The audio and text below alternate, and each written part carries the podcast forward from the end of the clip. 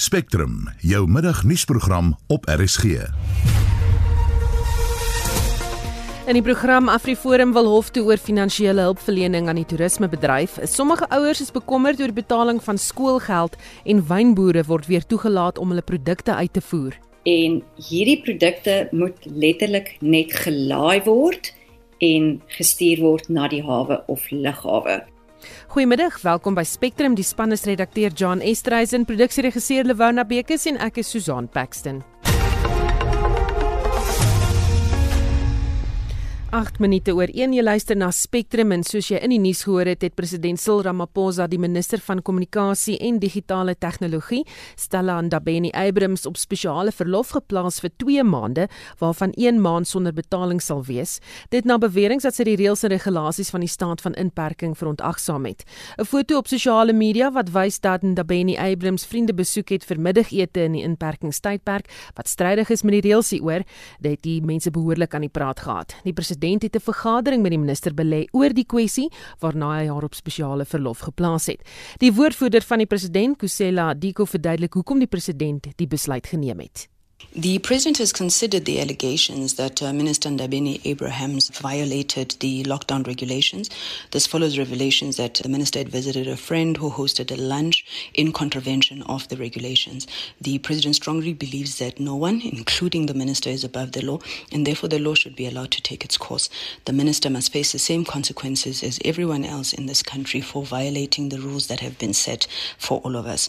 The president summoned the minister on Tuesday, 7th of April, where he reprimanded her and directed her to deliver a public apology to the nation.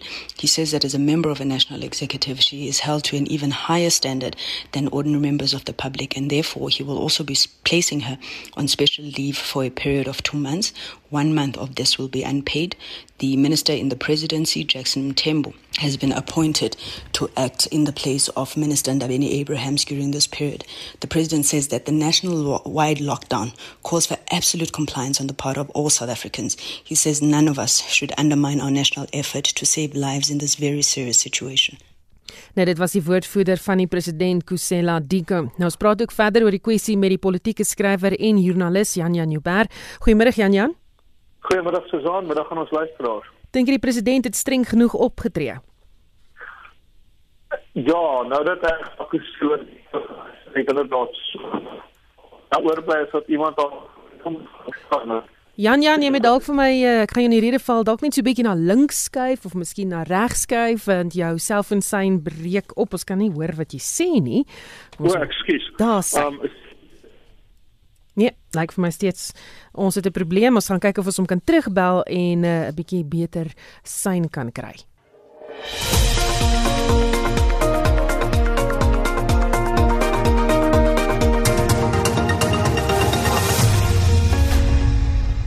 Dit is 12 minute oor 1 jy luister na Spectrum en ons uh, gaan uh, nou-nou met Jan Jan Joubert verder gesels oor die minister van kommunikasie en digitale tegnologie Stella Ndebeni Abrams wat op spesiale verlof geplaas is. Ons kyk net of ons 'n beter telefoonlyn kan kry.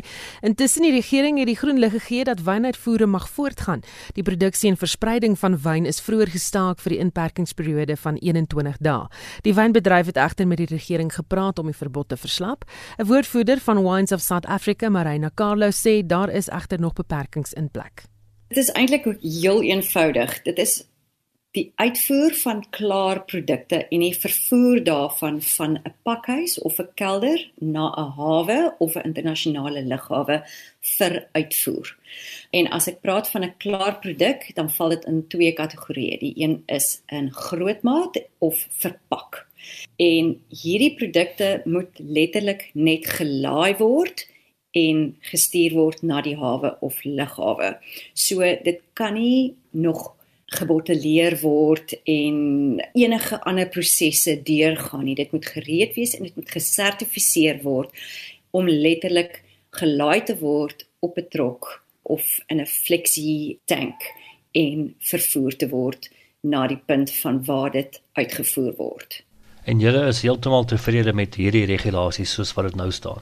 Ons aanvanklike aansoek het gevra dat wyn geklassifiseer word as 'n essensiële item. Ongelukkig het ons nie daardie toelating gekry van die regering af nie. So hierdie is 'n toelating en dit is 'n stap in die regte rigting verseker.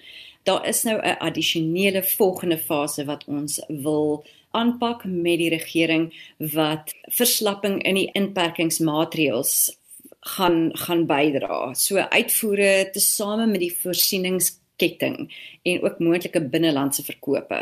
Die impak uh op die groot bedryf, hier dink ons na, ons natuurlik aan bottelering, etikette, kapsules, kirke, maar dit is ook baie belangrik dat ons as bedryf uh, deurlopend deeglik bewus is van die COVID-19 veiligheidsmaatreëls want hierdie is die hoofelement wat alle finale besluite en die optrede van die regering sal beïnvloed.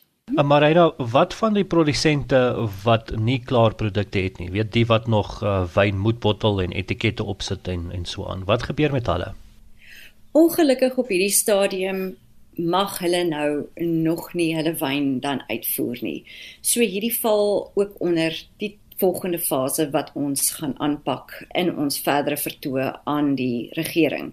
So ons hoop om hierdie as 'n volgende stap te benader.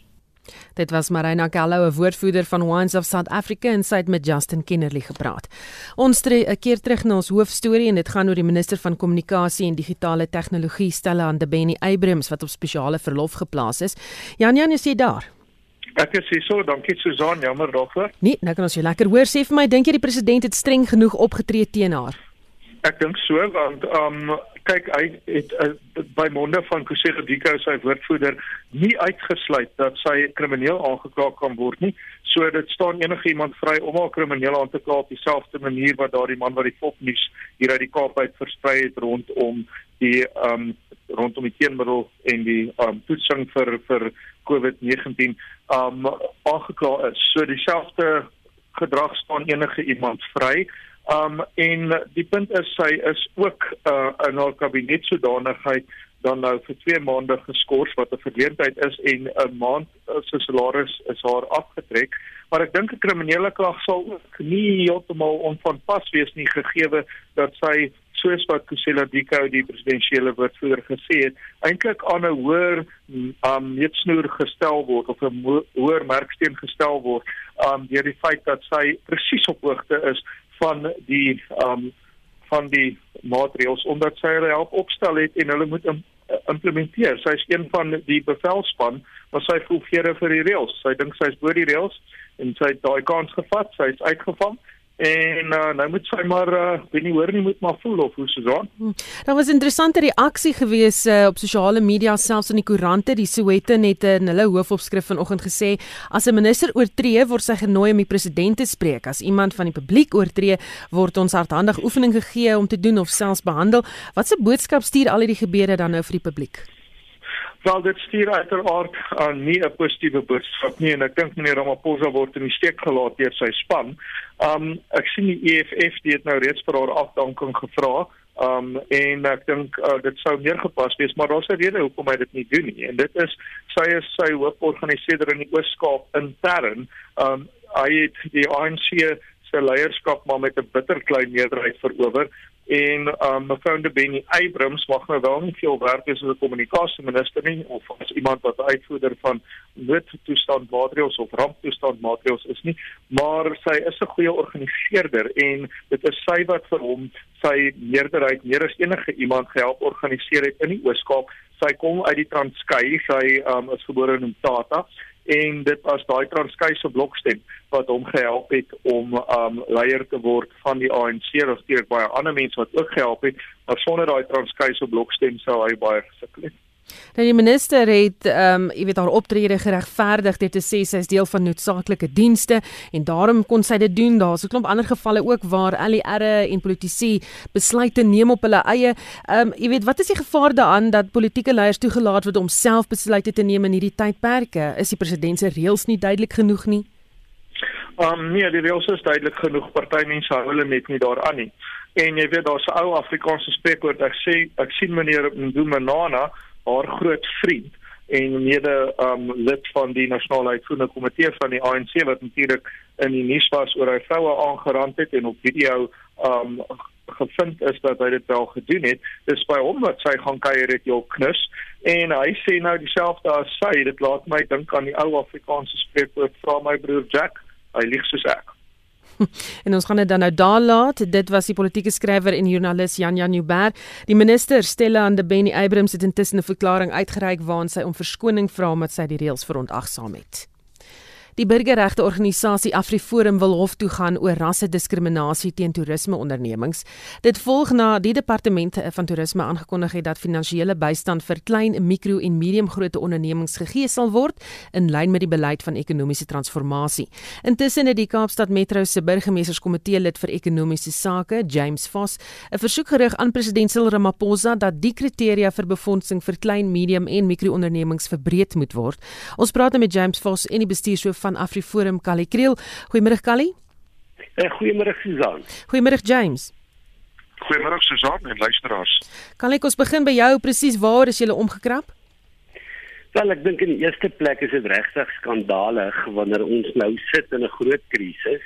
Almal word daardeur geraak. Ons het 'n gemeenskaplike vyand en dis COVID-19 en mense het hulp nodig. Hierdie hierdie virus diskrimineer nie op grond van ras nie. As jy 'n klein besigheid het wat sukkel, dan sukkel jy ongeag of jy wit of swart is en om dan nou rassemaatreëls in te bring by hulpskemas is totaal en al onvanpas. Ons glo dit is ongrondwettig. Ons weet daar mag uh, byvoorbeeld BE maatreëls wees en so meer, maar daar's 'n reuse verskil tussen 'n hulpskema en ekonomiese bemagtiging. En hierdie is 'n hulpskema, maar ten spyte daarvan gebruik die regering dit nog steeds om hulle rasseagenda te bevorder. Ons het nou reeds die minister ehm um, Kubai en Gubani uh, op terme geplaas en as hy nie teen die einde van die week hierdie hierdie besluit van hulle terugtrek nie, dan sal ons volgende week begin met hersieningsaansoek om hierdie om hierdie beleid van hulle om te keer op hersiening en uh, dit moet voor die 30ste Mei gebeur want die 30ste Mei is die sluitingsdatum Maar ons vra vir mense doen aansoek al al kwalifiseer jy nie. Ons gaan veg dat mense wel kwalifiseer. James, waarom vra julle dat die kriteria verbreed word? Wel, as die stad Kaapstad en ook my party die DA verwerp ons die toepassing van rassekriteria by die bepaling van regeringsverligting vir ondernemings wat deur die COVID-19 geraak word.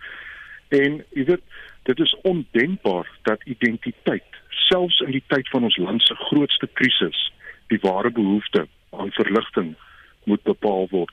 En die bitter ironie is dat dit die werknemers is wat die gevolge van hierdie dwaasheid meer sal ly as die werkgewers en dat die oorgrootste meerderheid van die eersgenoemde swart sal wees.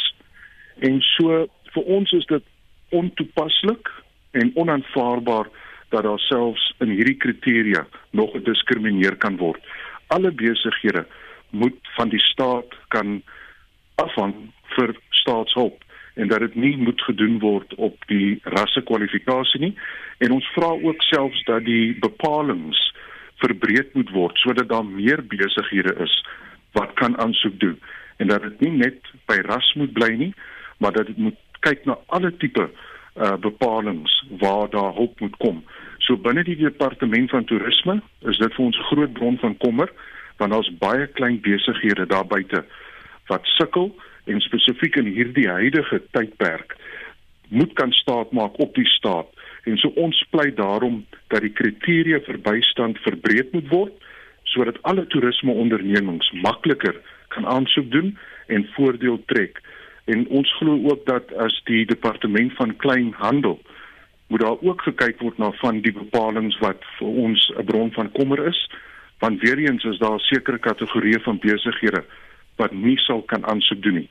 En is in hierdie tye waar ons die politiek moet kan toeskuif en spesifiek kyk na hoe mense van die staat kan staat maak op hierdie tipe hulpverlening.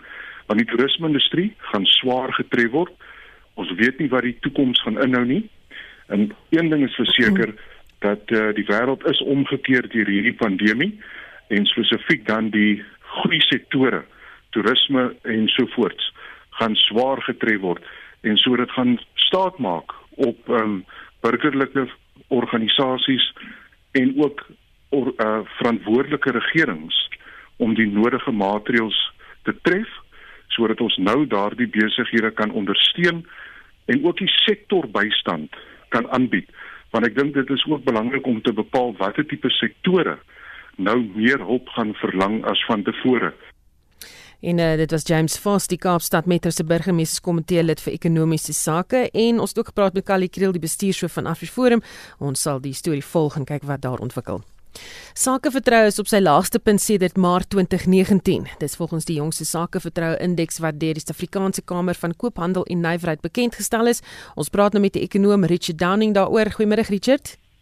Goeiemôre Susan. Hoe het die indeks vertoon? Nou die indeks staan op die oomblik uh, vir Maart op 89.9. Wat 'n redelike daling is in die indeks van omtrent uh, meer as 2% 2 indekspunte. Uh, maar dit is nog nie laagste wat ons gesien het die afgelope tyd nie. Maar ek dink wat wat wat mense nou waar, waarneem hier is dat die virus uh eintlik bo-op gekom het op die ekonomie wat eintlik swaar gekry het. En uh die dit wat ons hier waarneem is eintlik dat op hierdie stadium wat ons meet is eintlik vir al die finansiële markte wat baie gou gereageer het op hierdie virus. Eintlik wêreldwyd en Suid-Afrika saamgetrek in daai situasie. In en en en maar dan die hele kant van die ekonomie het ons nog nie baie sterk aanduidings van wat die effek daar is. So ons sien nog net gedeeltelik die effek op sake vertroue in terme van van die virus. En natuurlik dan het ons nou hier na die einde van Maart nog boop 'n swak ekonomie en die virus ook nog hierdie afgradering gekry van na na na, na rommelstatus en en dit maak die situasie nog meer moeilik. Nou, ehm um, met ander woorde is is gedeeltelik is dit die COVID-19 en die inperkingsstatus en die afgraderings. Wat is die ander redes? Wel, die ander rede is eintlik dink ek weet die strukturele probleme in die ekonomie is nie werklik aangespreek nie. En ons weet daar is mense in die regering wat baie bewus is van die probleme, maar dan word hulle ietwat verkort week om regtig toe uh uh eintlik goeie beleid toe te pas. En uh weet die minister van finansies het 'n redelike siening oor wat gedoen moet word maar ek bevrees nou die dinge ons ingehaal want in terme van wat ons alles moet doen en veral op die fiskale kant is daar nie vreeslike ruimte nie. So jy kan ook nie alles na die monetêre kant toe oorgooi nie want dit hou ernstige gevare in wat ons inflasionêre druk laat land. So dis 'n baie moeilike situasie om te hanteer en teen teen ons moet gebruik maak van van hulp van elders wat eintlik 'n stabilisasiefunksie moet vervul in die ekonomie op hierdie stadium en nie noodwendig ontwikkelingshulp en daai tipe van ding wat ons doen onder benodig nie. En wat gebeur na COVID-19? Wel ek dink uh, ons gaan ons gaan 'n tydjie neem om weer hierdie situasie te kom en en ons weet nou van hierdie sogenaamde inperking van aktiwiteit veral op die ekonomie en, en baie nadelige invloed en veral in die tweede kwartaal dink ek gaan ons redelike effek sien deurkom wat baie uh, ernstig gaan wees selfs soos dit nou staan met die uh, met die uh, inperking wat uh, 16de April behoort te eindig. Maar ons ons moet 'n bietjie verligting verskaf vir al die ekonomiese kant want ons sit met twee situasies. Die een is op die gesondheidskant wat al klaar redelike druk op die fiskale uh, soort van posisie plaas wat redelik 'n ernstige net dan uh, in beweeg het en daar is moet redelik hergeprioritiseer word rondom staatsbesteding oor die kort termyn. En dan natuurlik moet ons nou kyk na wat wat gaan ons vorentoe doen. Hoe gaan 'n mens as hierdie situasie verbeter eintlik weer terugkom na na 'n posisie toe waar jy eintlik sake die sake kan maak verbeter? Hierdie korttermyn effekte weer in die weg uit kan ry wat moontlik skadelik kan wees vir die ekonomie en dan werklik aandag gee aan strukturele probleme in die ekonomie. So dit is 'n lang pad die die die die afgradering, die rommelstatus is 'n ander probleem wat ook tyd gaan neem om reg te stel en wat eintlik op hierdie stadium vir ons ernstig dui op wat verkeerd is in die ekonomie ongelukkig moes ons nou deur die virus ook nog gaan om eintlik hierdie probleme uit te lig, maar ek dink dit is miskien goed dat ons 'n begrip kry van hoe die ekonomie funksioneer en wat se verwantskappe daar oor ons bestaan en hoe dit mekaar raak en ek dink dit is wat ons miskien positief uit hierdie situasie uit kan neem sodat an, ons ander kans baie sterker kan uitkom indien ons weer op pad is na 'n goeie situasie. Baie dankie, dit was die ekonom Richard Downing. In 'n ongewone stap het die Tekstielbedingingsraad en werkgewers 'n ooreenkoms bereik oor hoe om werkers in sta, in 'n staaf in die staat van inperking te betaal.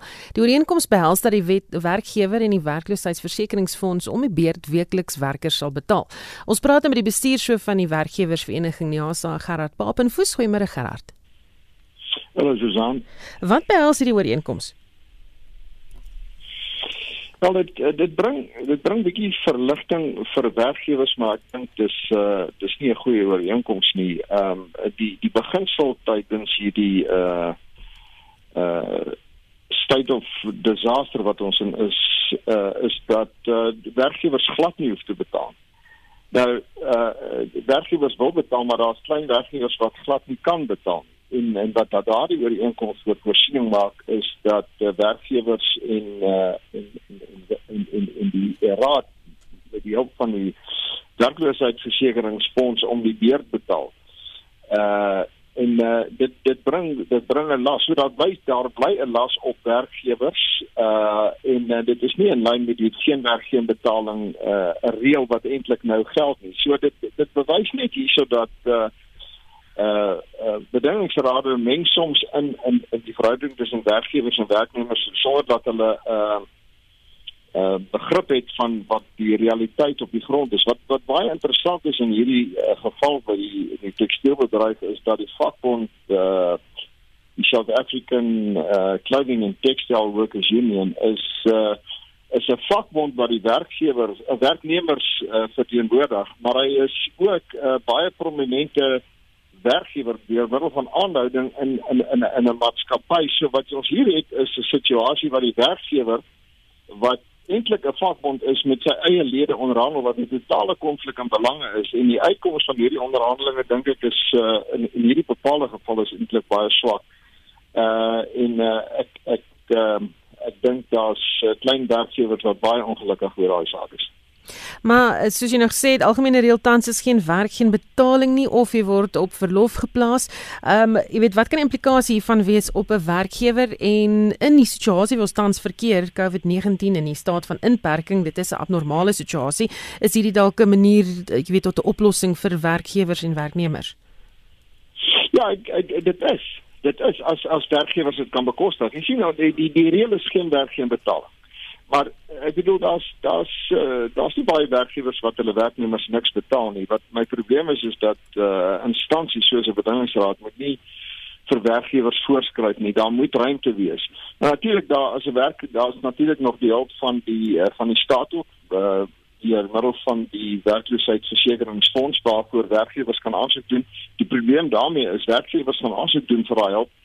Hulle gaan dalk intussen hulle werknemers betaal en en en en, en moontlik maande wag vir die geld om van die fonds terug te kom. So dit gaan baie druk op werkgewers betaal selfs die wat van daai hulp aansoek doen en ek glo baie die meeste sal aansoek doen daarvoor van die uh, aansoek doen vir hulp van die werkloosheidsversekeringsfonds af. Natuurlik ehm um, uh, daar is 'n sosiale verantwoordelikheid vir werkgewers. Ek dink werkgewers wil betaal, maar dit is 'n kwessie van of hulle kan betaal. En en uh, jy weet as daar nie besigheid is, is daar nie werk en en besigheid moet in die eerste plek kyk dat hulle na afloop van hierdie uh uh sluiting van besigheid ehm um, nog sustainable is. Ons wil dan as hierdie ding stop, moet ons nog besigheid hê en dis die gevaar. Ons weet nie of die ding op die 17de April gaan stop nie. En nou moet jy weet dat as die ding op die 17de stop, begin besigheid stadig aan bewind uh, nie bewind aan aan aan aan die gang kom.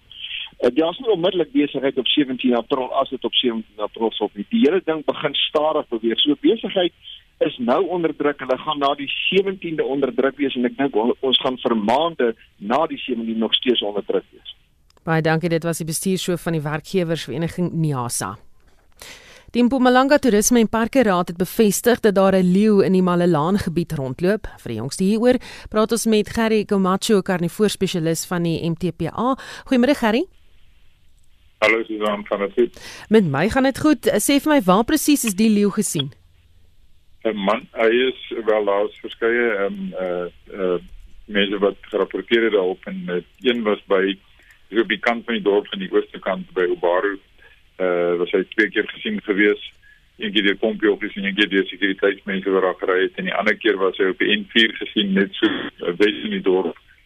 uh, ook so dis nou so twee aande terug.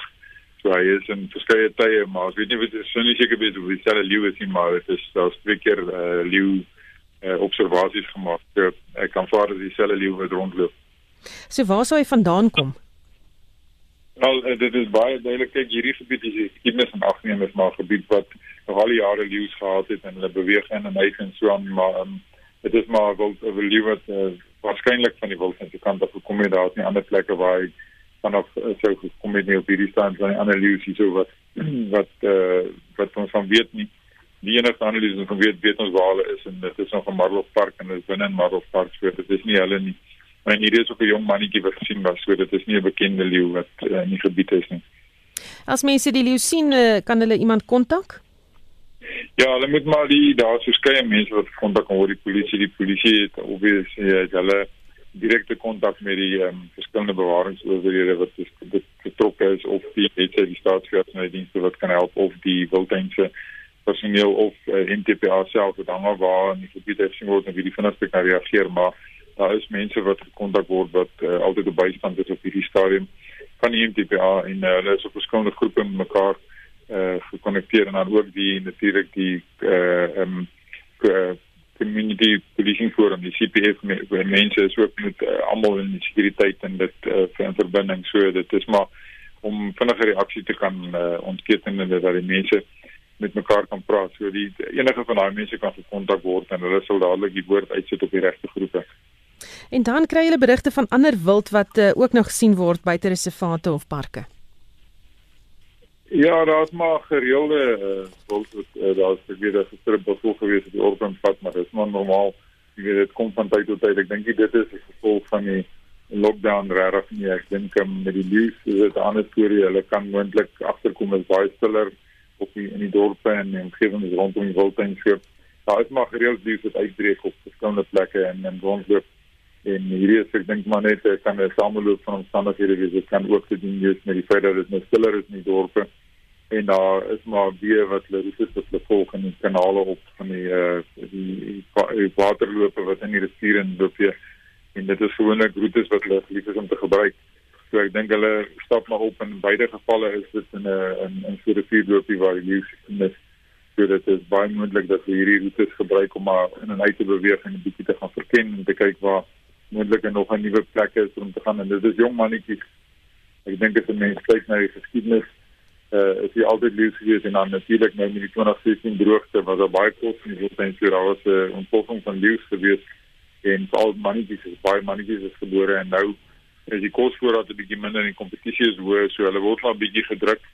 So daar was maar bietjie meer uitbrake as normaalweg in in gebiede gewees as gevolg van dit so dit is nie uh, dit is maar 'n uh, sameloop van verskillende faktore wat 'n rol gespeel het.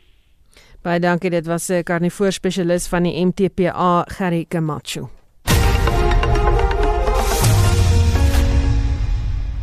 Shaun Jooste die jongste sportnuus vanmiddag.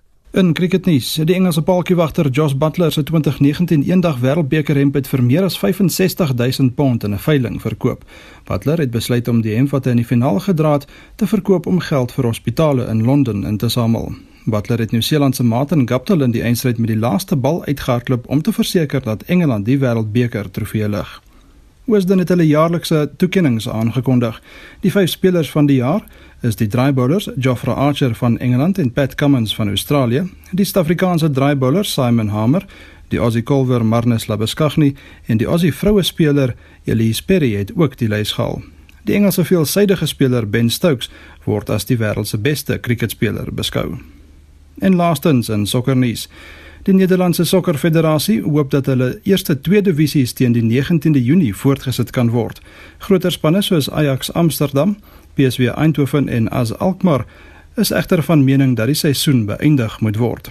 Nederland het nie 'n nasionale sluiting aangekondig nie, maar streng maatreëls en beperkings is in plek tot die 28ste April en alle sosiale byeenkomste wat sokker insluit, is tot die 1ste Junie opgeskort. Shaun Jooste met vermiddag se sportoorsig.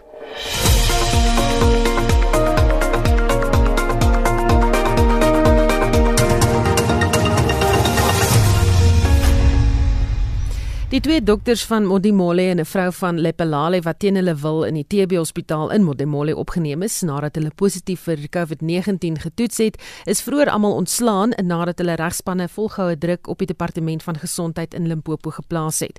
'n Dagblad berig dat Johan Abri, die afwyksraadslid in Modimolle en Marcel Marits vir VF+ leier in Limpopo, Dinsdag alles moontlik gedoen het om die drie mense uit die hospitaal te kry. Johan Abri het vroeër aan ons gesê hy het in sy persoonlike hoedanigheid by die saak betrokke geraak raak. Almal is vrygelaat. Nou ons het vir Enisie gesê dat daar kans op sukses in die hof is hier. En ons het daar uh, kans gegee tot 12 uur vandag om hulle vry te laat. Die twee dokters is al gisteraand huis toe en mevrou van Emmen is volgende huis toe.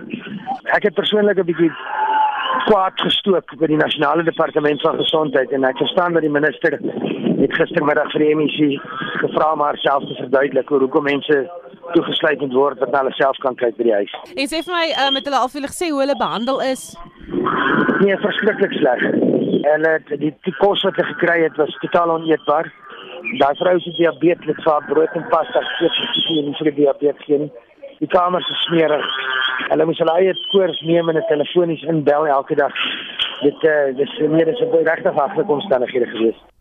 Dit was Johan Abri, die wijkraadslid in Modimolle. Die Suid-Afrikaanse Mediese Vereniging het ook die hof genader oor die kwessie aanvanklik, maar het nog nie op ons versoek vir 'n onderhoud gereageer nie.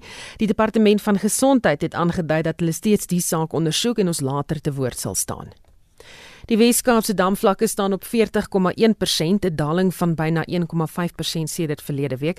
Ons praat hieroor met die provinsie se woordvoerder oor omgewingsake, James Brent Stein. Goeiemôre James.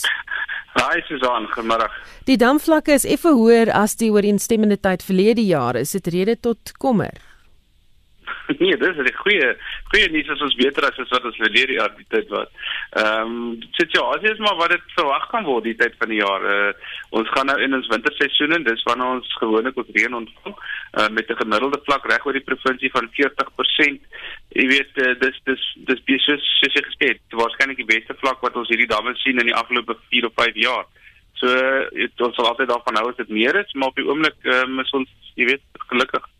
Kon jy agterkom of mense meer water gebruik omdat hulle tuis bly en dalk ook meer hande was en bad? Ek moet begin sê ek is nog nie seker of van of sulke data beskikbaar is nie. Ehm um, kyk, sekere dele van die provinsie word daar wel reg oor die provinsie word daar baie meer gedoen om seker te maak mense het toegang tot meer water. So ek ek is ek sê op 'n basis as dat daar nie as die waterverbruik reg oor die provinsie nie bietjie toeneem nie, maar mense verstaan dat om ook nie water te mors nie. Ons sê nog altyd as jy water net verantwoordelik gebruik, dan behoort ons nog steeds, jy weet, binne die perke te kan bly. En wat is die verwagting vir die komende reenseisoen? nog baie onvoorspelbaar. Dit is 'n groot probleem uh, wat dit kom met die weer. Uh, dit is baie onvoorspelbaar. Ehm um, ons verwag reën, hoeveel en wanneer presies, uh, dit is uh, nog steeds onduidelik, maar ons hoop dat ons reën sal ontvang en ons wil mense aanmoedig om aan te hou water verantwoordelik en spaarsaam te gebruik. Ehm um, selfs in hierdie tyd waar ons mense aanmoedig om baie meer skoon te maak, hande te was en jy weet is dit dit ons smet ehm um, kan mense steeds water verantwoordelik gebruik. En waar hulle in nood uh, verkeer daar word planne gemaak. Uh, die stad Kaapstad het byvoorbeeld 28 watertrokke wat in areas waar daar groter watervraag is ehm um, waar hulle die die die water uitrol reg oor die provinsie is, elke munisipaliteit besig om te doen wat hy kan om water aan te vul waar hy kan. So mense moet nie bekommerd raak dat hulle uit water uit gaan raak nie maar ons vra net dat hulle saam met ons werk ook in hierdie tyd Baie dankie, dit was James Brentstein, die Weskaapse woordvoerder oor omgewingsake. Intussen sê die DEA se woordvoerder oor water en sanitasie in die Nelson Mandela Bay Metro, Masikole Zinto, dat damvlakke in die streek ook vinnig daal. Koga Dam is sitting at 14.58%. The Churchill Dam is sitting at 73.62%. Impofu Dam is sitting at 16.55%. Luri also a smaller one sitting at 19.96%. Die lae vlakke word toegeskryf aan die droogte wat die streek die afgelope 5 jaar knou. Zinto sê die waarnemende burgemeester, Tsonono Boyeye, het nog nie die noodtoestand wat verlede jaar aangekondig is verleng nie. And also what I can mention, it lapsed a month ago. So we should have signed to extend it because it must be on month to month after it has been declared the extension. Hy sê die metro doen nie die nodige instandhoudingswerk om waterverliese te voorkom nie. Because they should have appointed about 6 contractors early March, and they never did. They're telling me it's at a stage where you of uh, objections and all those they come up with a story every time basically. Masintole Zinto, die DA se woordvoerder oor water en sanitasie in die Nelson Mandela Bay Metro. Ek is Justin Kennerly vir SAK nuus. In ander nuus, skole is gedwing om vroeër te sluit na die toename van koronavirusgevalle in die land, maar die departement van basiese onderwys het egter gesê dat ouers steeds hulle kinders se skoolgeld moet betaal. Sommige ouers is bekommerd dat die reëling hulle in 'n moeilike finansiële posisie kan plaas aangesien sekere sakeondernemings ook gesluit is. Ons praat nou hieroor met die Federasie Federasie van Beheerliggame van Suid-Afrikaanse skole, oftewel FETSA se bestuurshoof Paul Kaldich. Goeiemôre Paul. Goeiemôre Susan.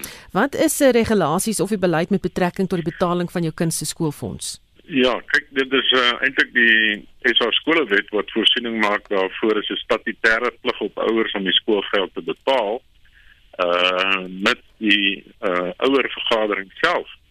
'n Begroting goedgekeur is goedgekeur het waarin daar voorsiening gemaak word vir die betaling van skoolgeld. Gewoonlik is dit 'n uh, eenmalige betaling wat vir die hele jaar sal geld, maar in verre weg die meeste gevalle uh, word ouers die geleentheid gegee om dit maandeliks te betaal 10 maande of 11 maande of wat die geval ook al in 'n besondere omgewing is.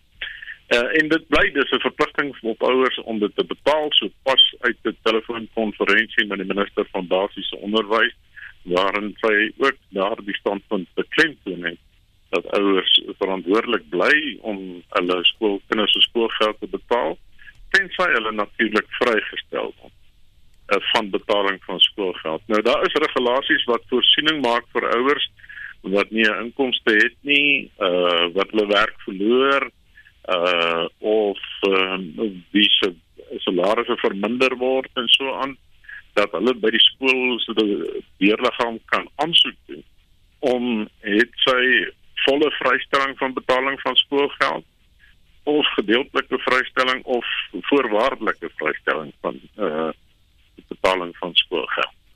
Nou leerlinge se skoolvakansie het vroeg begin en daarna is die in um, inperkingstydperk ingestel. Watter opsies is daar om verlore klastyd en toetse in te haal wanneer skole weer open? Uh, dit was ook deel van die gesprek met die minister van uh, vanoggend. Uh die departement beplan vir twee scenario's kom ek net eers baie duidelik sê dat die minister ook herhaal het dat sy nie voor 16 of 17 April wanneer sy weer met ons gaan praat uh, kan aankondig of die skole gaan heropen na 16 April of nie. Dit hang natuurlik af van die inperking uh, en of dit verleng sal word. Wat die uh, minister wel gesê het is dat hulle beplan vir twee scenario's. Die eerste scenario uh is die verlies van 16 skooldae as die skole weer heropen in die week na 16 April of indien dit verleng word 'n verlies van 52 dae. Nou 16 dae sal maar redelik maklik opgemaak kan word deur verlenging van skoolure, deur inkorting van vakansies uh en so on. So daardie dis nie 'n krisis nie, want die krisis nou werklik gaan wees is as 52 skool daar verlore gaan want dit is regtig 'n kwart van die akademiese jaar uh en daardie alternatiewe beplanning word ook gedoen. Daar word gekyk na byvoorbeeld die aanpassing van die kurrikulum, aanpassing van assessering, skoolvakansies natuurlik en selfs die moontlikheid om van jaar in 2021 se kurrikulums saam oor 'n tydperk van 2 jaar te versprei sodat ons in 2022 na normaal kan terugkeer. Baie dankie dit was Paul Goldich, hy is die bestuurshoof van FETSAS. Die wêreld se grootste teleskope is gesluit weens die COVID-19 pandemie. Sterrekundiges is nou bekommerd oor die langtermyn impak van die pandemie op hulle veld.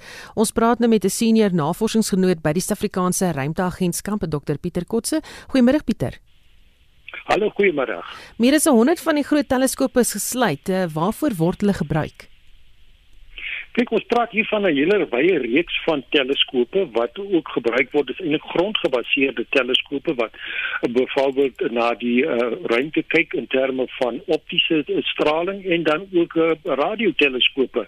En hier praat ons veral van ons groot uh, instellings waar 'n redelike groot hoeveelheid mense teenwoordig is om hierdie teleskope of instrumente aan die gang te hou Ons praat baie keer van spanne tot so groot as 500 tegnisi wat ingespan word op 'n stadium om te sorg dat hierdie teleskope funksioneer en dat dit hulle data insamel soos wat daar uh, voorspel word of gebak word in sekere navorsingsprogramme. So nou met hierdie COVID uh, pandemie veroorsaak dit uh, dat hierdie spanne nou nie teenwoordig kan wees uh, om hierdie uh, instrumente aan die gang te hou nie. En met die gevolg daar word net 'n kern hoeveel mense uh, aangehou of is teenwoordig op die persele wat dan moet verseker dat die instrumente daarom nou nie heeltemal gaan staan nie. Alhoewel hulle baie van hulle natuurlik op rekenaars gebaseerde uh, afwaarnemings doen. Maar nogtans daar is nog steeds personeel nodig om hierdie instrumente uh, uh, aan die gang te hou. So dit is eintlik 'n basiese krisis en uh, dat 'n uh, 'n virus nou eintlik 'n redelike groot stok steek in die kontinuïteit van uh, ruimte en ook sterrekundige of astronomiese waarnemings. Raak dit julle by SANSA ook?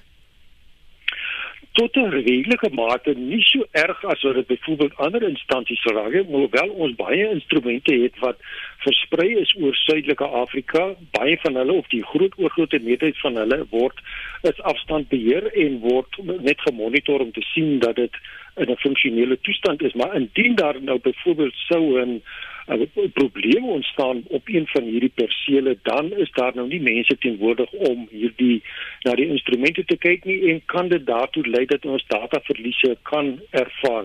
Alhoewel byvoorbeeld uh, van ons instrumente is byvoorbeeld op Antarktika, daar is geen COVID uh, inperkingsmaatreëls nie. So indien daar enigiets gebeur met instrumente, is ons gevrywaar van die teenwoordigheid van 'n hele span navorsers en uh, ook tegnisi wat daarna daar kan omkyk. So ons is eintlik in 'n redelike mate in 'n veilige posisie, maar nogtans ons is in elk geval ook uh, sien nie agter wat kan gebeur op 'n party van ons uh, veral die ver afgeleë uh, persele.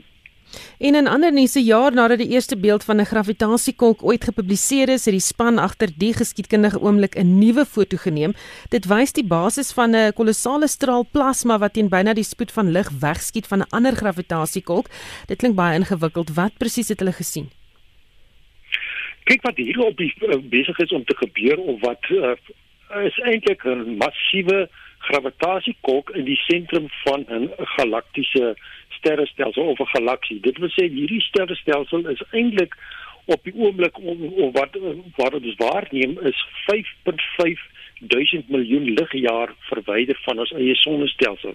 So om dit in perspektief te plaas, hierdie uh, gravitasiekolk het 'n massa van ongeveer 1000 miljoen keer die van ons eie son. So met die gevolg die gravitasieveld rondom hierdie uh, kolk is so enorm dat dit besig is om sterre wat binne 'n kritieke afstand daarvan af te kom totaal aan flarre te ruk, heeltemal te verslind en dan hierdie materie van die sterre of die gaswolke na die dan nader te trek aan die uh, gravitasiekolk en so ontstaan dus 'n akrisieskyf in die omgewing van hierdie gravitasiekolk wat dan hierdie deeltjies of plasma of hoë eh, energieke deeltjies versnel tot byna by die spoed van lig.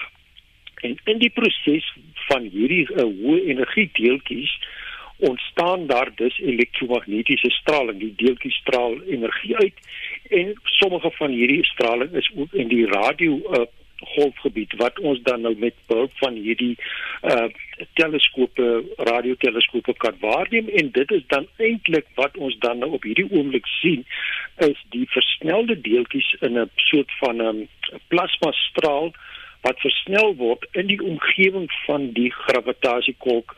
En dis vir ons hierdie uh, uh op sê die beeld of beeld moontlik maak wat ons dan kan waarneem met behulp van hierdie Event Horizon teleskoop of ERT wat bestaan uit 'n totaal van 8 radioteleskope wat versprei is oor die hele aardbol en dus uh vir ons 'n unieke oplosvermoë gee wat nie voorheen moontlik was met met 'n enkele sê maar sê enkele radioteleskoop nie.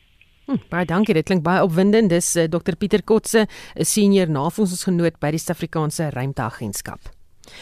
Terug uh, hier op die aarde, die grootste verblyking van korale nog op Australië se Great Barrier Reef is pas aangemeld. Die verblyking het op die suidelike deel van die rif plaasgevind. Dit is die derde massa-blyking voorval in die afgelope 5 jaar op die rif. Ons praat nou met 'n PhD-student aan die Noordwes Universiteit se Dierkunde Departement, Veronica van der Schuyf. Die studie in korale is haar spesialisrigting. Goeiemôre Veronica. Hallo Susan. Gaan dit? Dit gaan baie goed met my, maar wat presies het op die rif gebeur?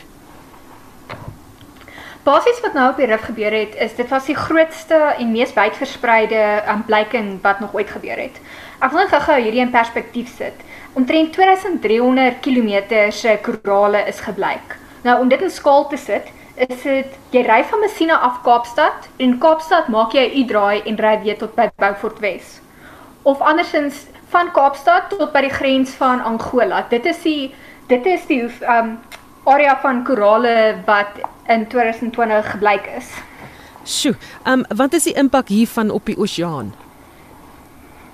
Dit dit um is baie groot impak. Die um die Great Barrier Reef is die grootste koraalrif op op aarde.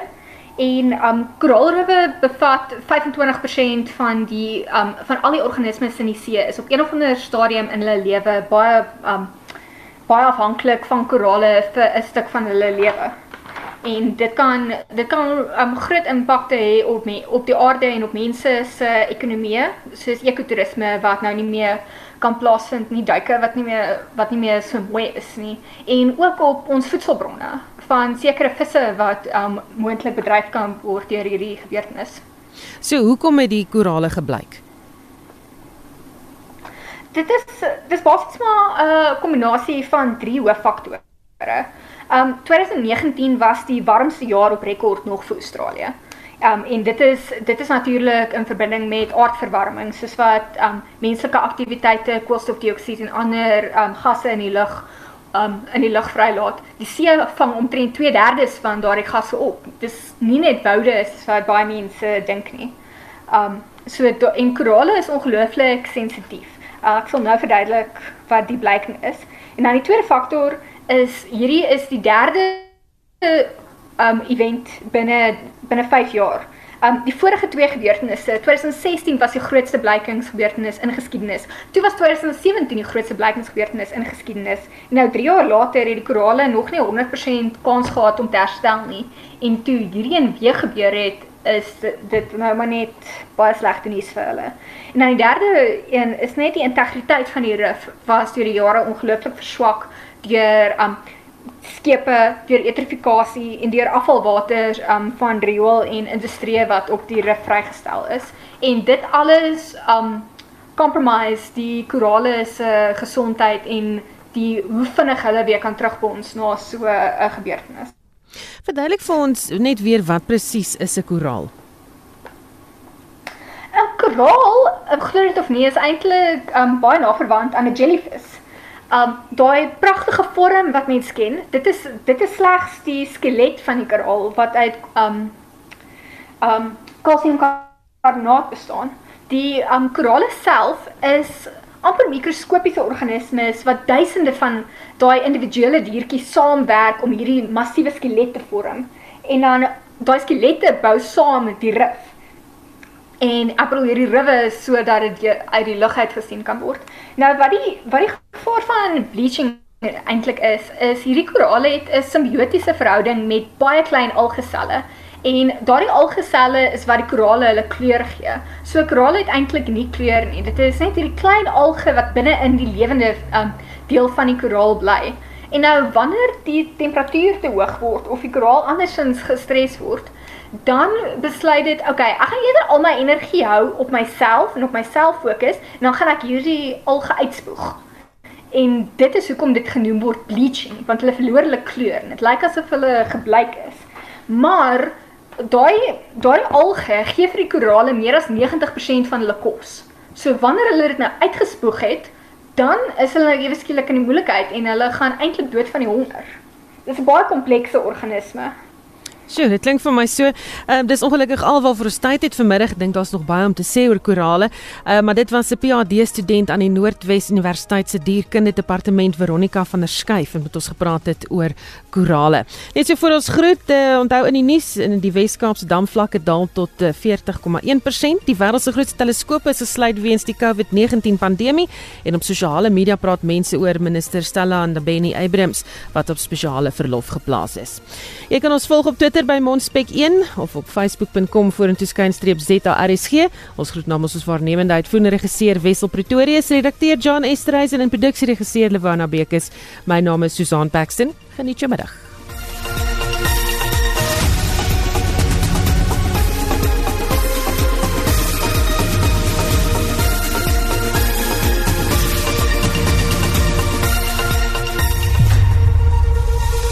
SAK nuus onafhanklik onpartydig